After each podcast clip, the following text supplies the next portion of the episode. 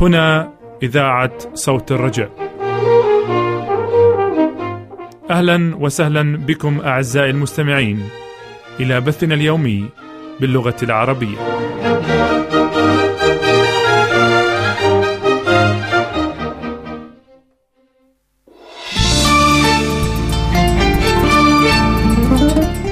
منير سلام ونور كمال. يرحبان بكم أعزائي المستمعين من وراء ميكروفونات صوت الرجاء وفي هندسة الصوت أنور عبد المسيح. وسنرافقكم خلال برنامج اليوم متمنين لكم معنا أسعد الأوقات وأمتعها.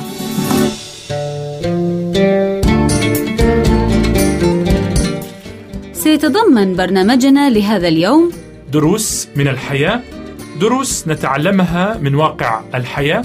ومن ثم نستمع إلى عالم الأسرة برامج عائلية لأسرة سعيدة كريمة.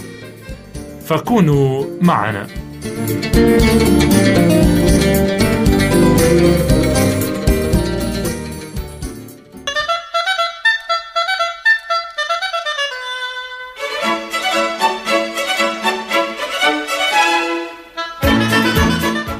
دروس من الحياة. برنامج أسبوعي يقدمه منير سلام.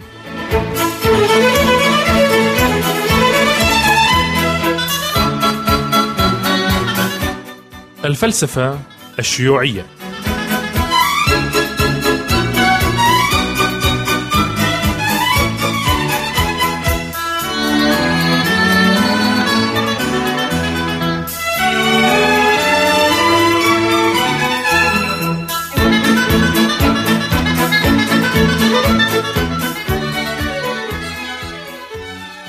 أهلا وسهلا بكم أعزائي المستمعين إلى برنامجكم الأسبوعي دروس من الحياة. البرنامج الذي نعالج فيه قضايا مهمة ونستخلص منها عبرا ودروسا لحياة أفضل. وسنعالج موضوع اليوم بإسهاب بعد هذا الفاصل الموسيقي.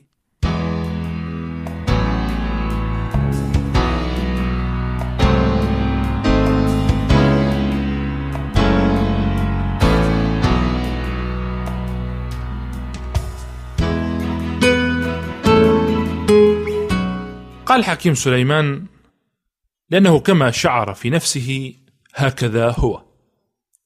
فالإنسان عزيز المستمع يتحرك ويعيش بالطريقة التي يفكر بها. فالفكرة هي عبارة عن شرارة قادرة على أن تحرق العالم برمته. وعالمنا اليوم عزيزي المستمع مليء بالأفكار والفلسفات التي ترتب وتنظم الحياة برمتها. وبالطبع فلكل فلسفة حسنات وميزات عديدة قد جذبت إليها الكثير من الأنصار.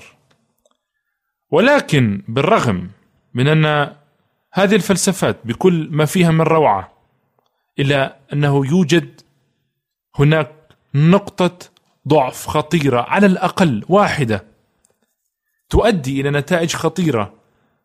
لو بنى الإنسان حياته على هذه الفلسفة. وهذا بالتحديد ما عبر عنه كما قلنا في حلقاتنا الماضية. الرسول بولس انظروا أن لا يكون أحد يسبيكم بالفلسفة وبغرور باطل حسب تقليد الناس حسب أركان العالم وليس حسب المسيح. وفي الحقيقة نستطيع أن نقول عزيزي المستمع أن هناك ثمانية فلسفات رئيسية شائعة في العالم بخلاف الفلسفة الحقيقية التي يجب عليك إذا كنت باحث جاد ومخلص في بحثك لأن تتبعها والسؤال الذي طرحناه وسنطرحه. كيف وإلى أي مدى أثرت تلك الفلسفات والأفكار في حياتك؟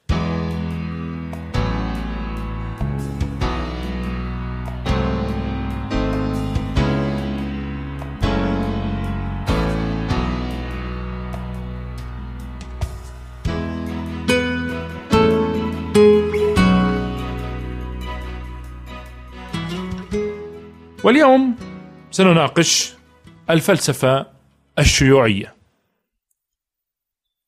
فالفلسفة الشيوعية في أبسط تعريف لها هي مسيرة لإعادة صنع الإنسان بطريقة علمية. أما أبسط تعريف للشاب الشيوعي فهو شاب ثوري. ألمته تلك الحالة من الفوضى التي تسود العالم والتي تتمثل في سلطان وسيطرة الطبقات الغنية على الطبقات الفقيرة. وسيطرت بعض المترفين الكسالى على الأغلبية الساحقة من الفقراء الكادحين.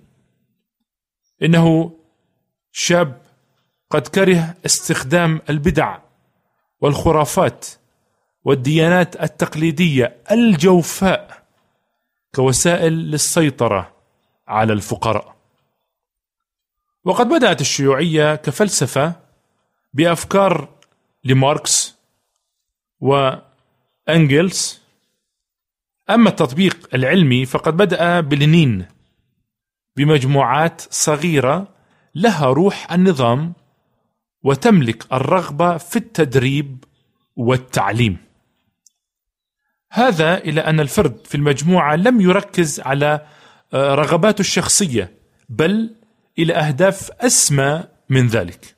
مما أدى إلى قوة عظيمة في المجموعات فأتاحت لها الانتشار الواسع في كل العالم. والشيوعيه نوعان. شيوعية نظرية مكتوبة على الورق.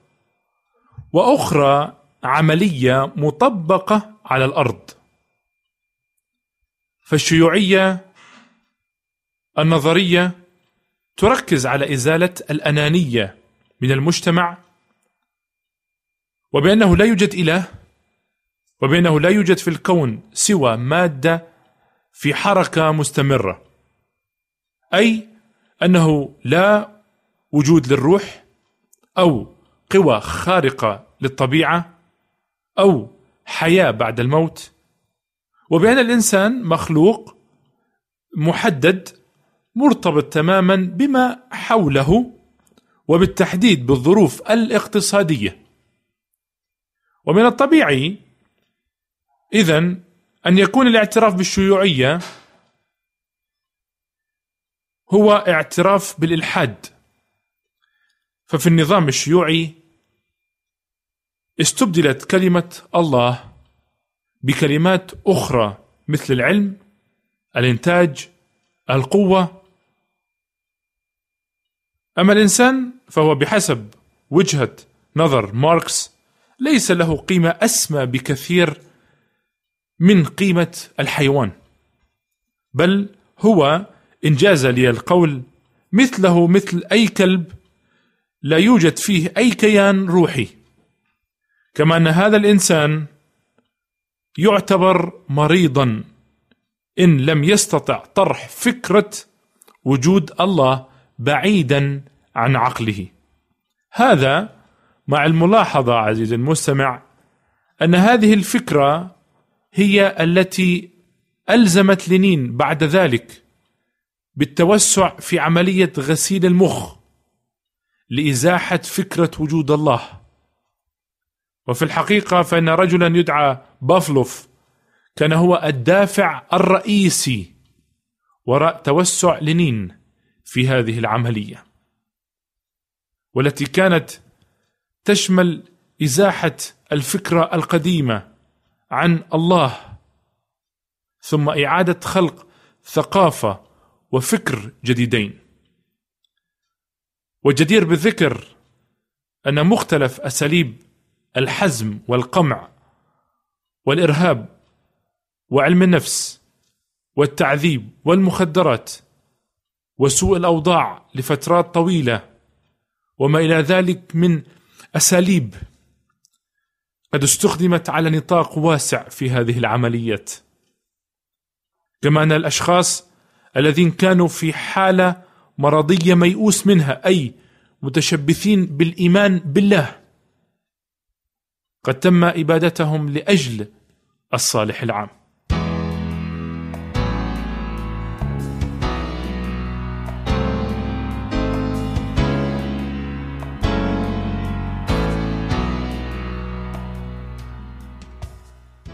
كمان الفرد في الفلسفة الشيوعية بصفاته الشخصية ليس له أهمية أو قيمة خاصة. ففي النظام الشيوعي يأخذ الفرد أهميته الشخصية من خلال العمل الذي يقوم به لأجل الجماعة. فهو يعمل وفقا لبرنامج معين مثله مثل الآلة وبينه يتحرك وفقا لقوانين محدودة أو معينة. أما الطبيعة البشرية فهي تدعو أن ينتمي الفرد إلى الجماعة حيث يعرف ويحب لأجل قيمته الشخصية. وهذا ما يفعله الله معك عزيزي المستمع.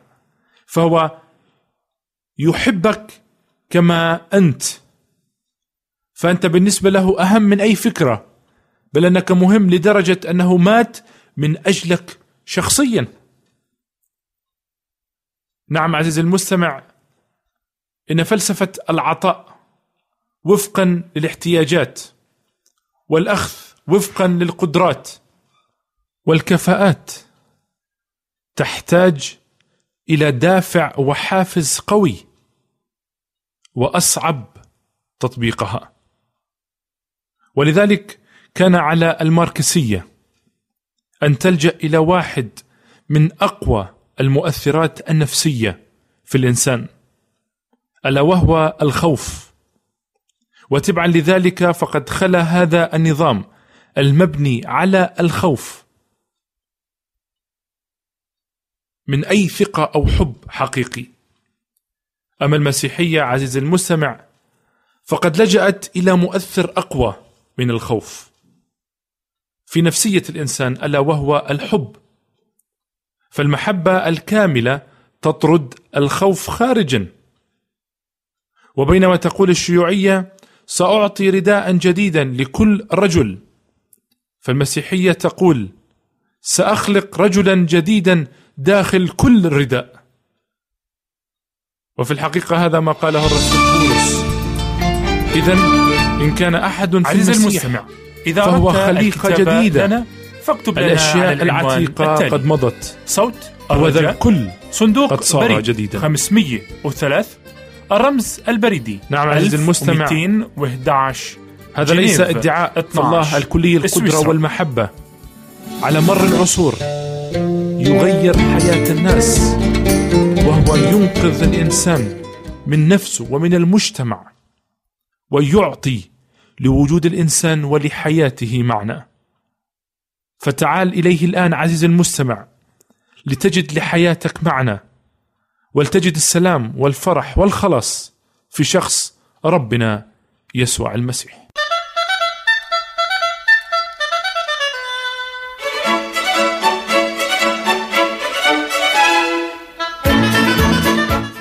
قدم لكم منير سلام دروس من الحياة وإلى اللقاء مع درس قادم في حلقة قادمة.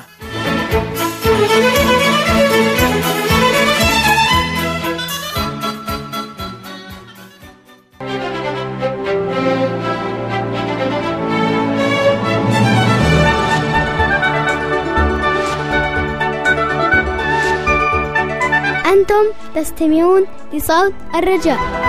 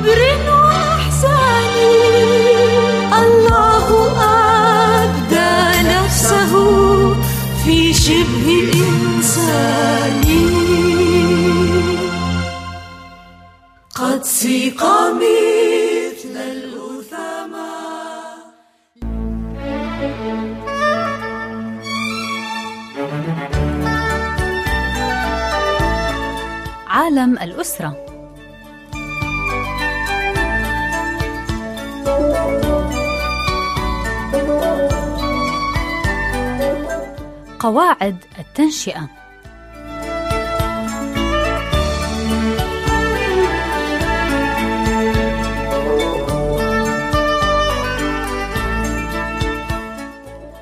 عزيزي الأب عزيزتي الأم كثير من الآباء والمربين يبذلون جهدهم في تربية أبنائهم. حتى ينشأوا على القيم والأخلاق الحميدة. ولكن هذا الجهد قد يضيع سدى إذا ما لم يوفر الوالدين الأجواء الصحية التي تجعل عملية التربية تؤتي ثمارها. فتوفير القدوة الصالحة للأبناء هي أولى الخطوات التربوية الناجحة والتي قد يجهلها الكثيرون. كما أن فهم نفسية الطفل وطبيعة شخصيته هما من أهم العوامل التي تساعد كثيرا في تربيته وتنمية مواهبه وصقل قدراته. ويضع أعزائي التربويون وعلماء النفس بعض القواعد المهمة التي تعين المربين في عملية التنشئة. وهي أولاً الحرص على تعويد الطفل معرفة الله سبحانه وتعالى كل لحظة. وهذا ما يسميه علماء التربية بالواعظ الديني. وهذا يمنعه من كثير من التصرفات السيئة وغير المرغوبة. ثانياً، عدم الإفراط في التدليل، بالإضافة إلى الحزم ولكن المعتدل.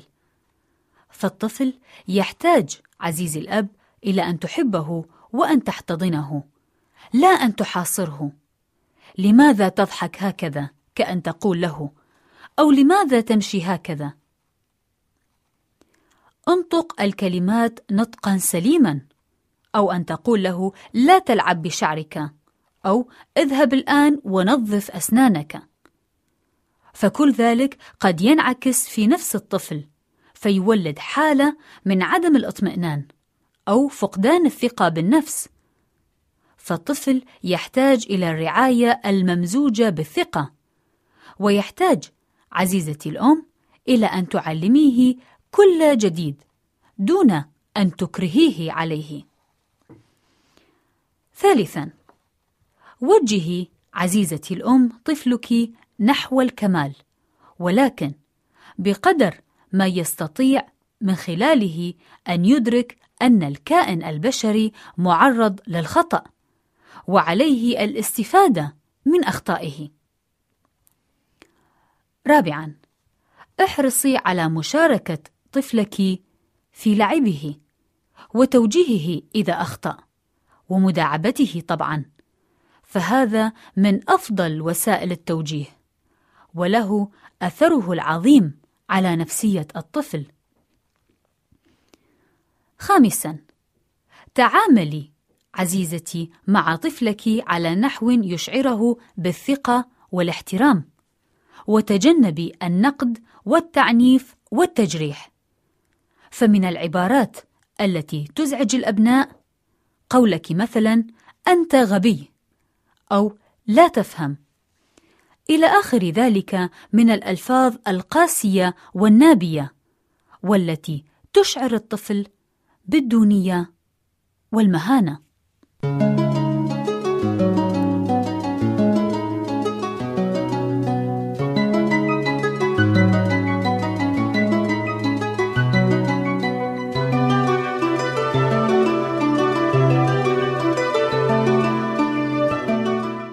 والمهانه لازلتم أعزائي في الاستماع إلى محدثتكم نور كمال. ولنأتي الآن إلى النصيحة السادسة أو القاعدة السادسة من قواعد التنشئة.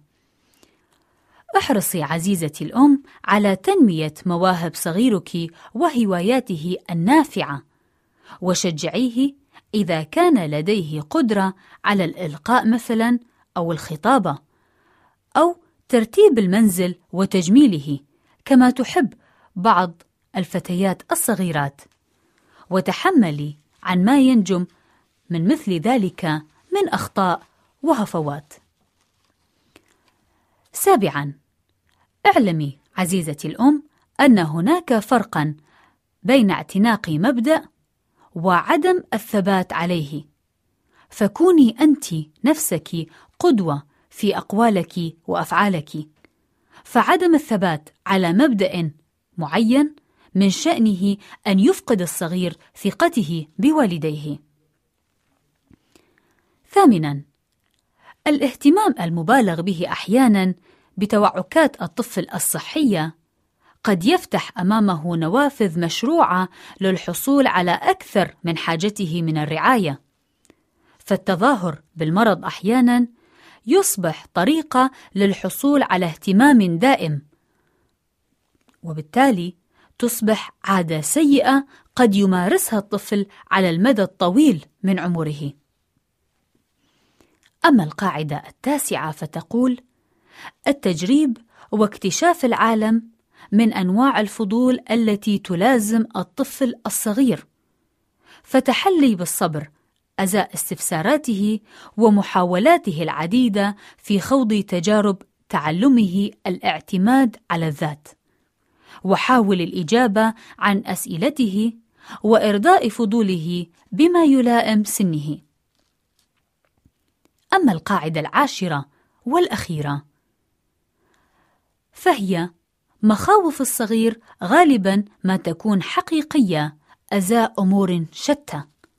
فمن المناسب عدم السخرية بها أو حتى التقليل من شأنها حيث أن مناقشة هذه المخاوف مع الصغير قد تشعره بالطمأنينة الشديدة بالإضافة إلى إحساسه بضآلة فزعه ومن ثم تلاشيه.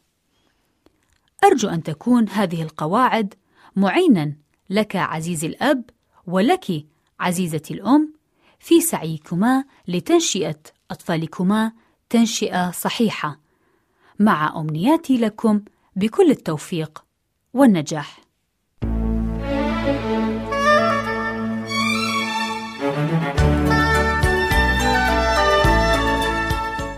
كنتم مع محدثتكم نور كمال في عالم الأسرة.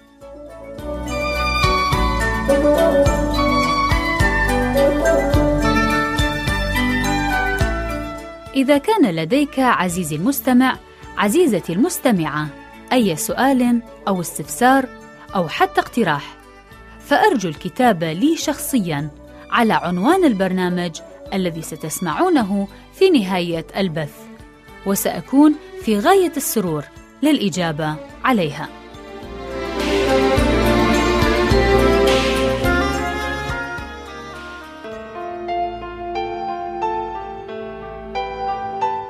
منير سلام ونور كمال. يشكرانك عزيزي المستمع لمرافقتنا خلال برنامج اليوم.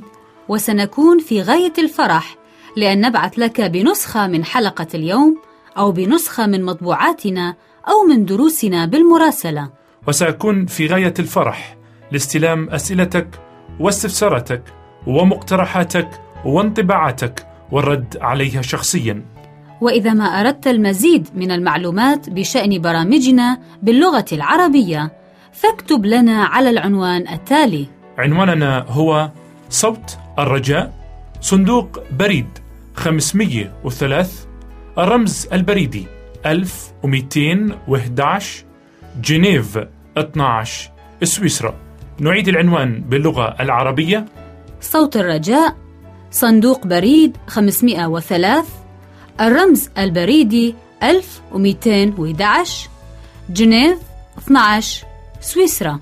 والرجاء كتابة العنوان باللغة الإنجليزية على النحو التالي.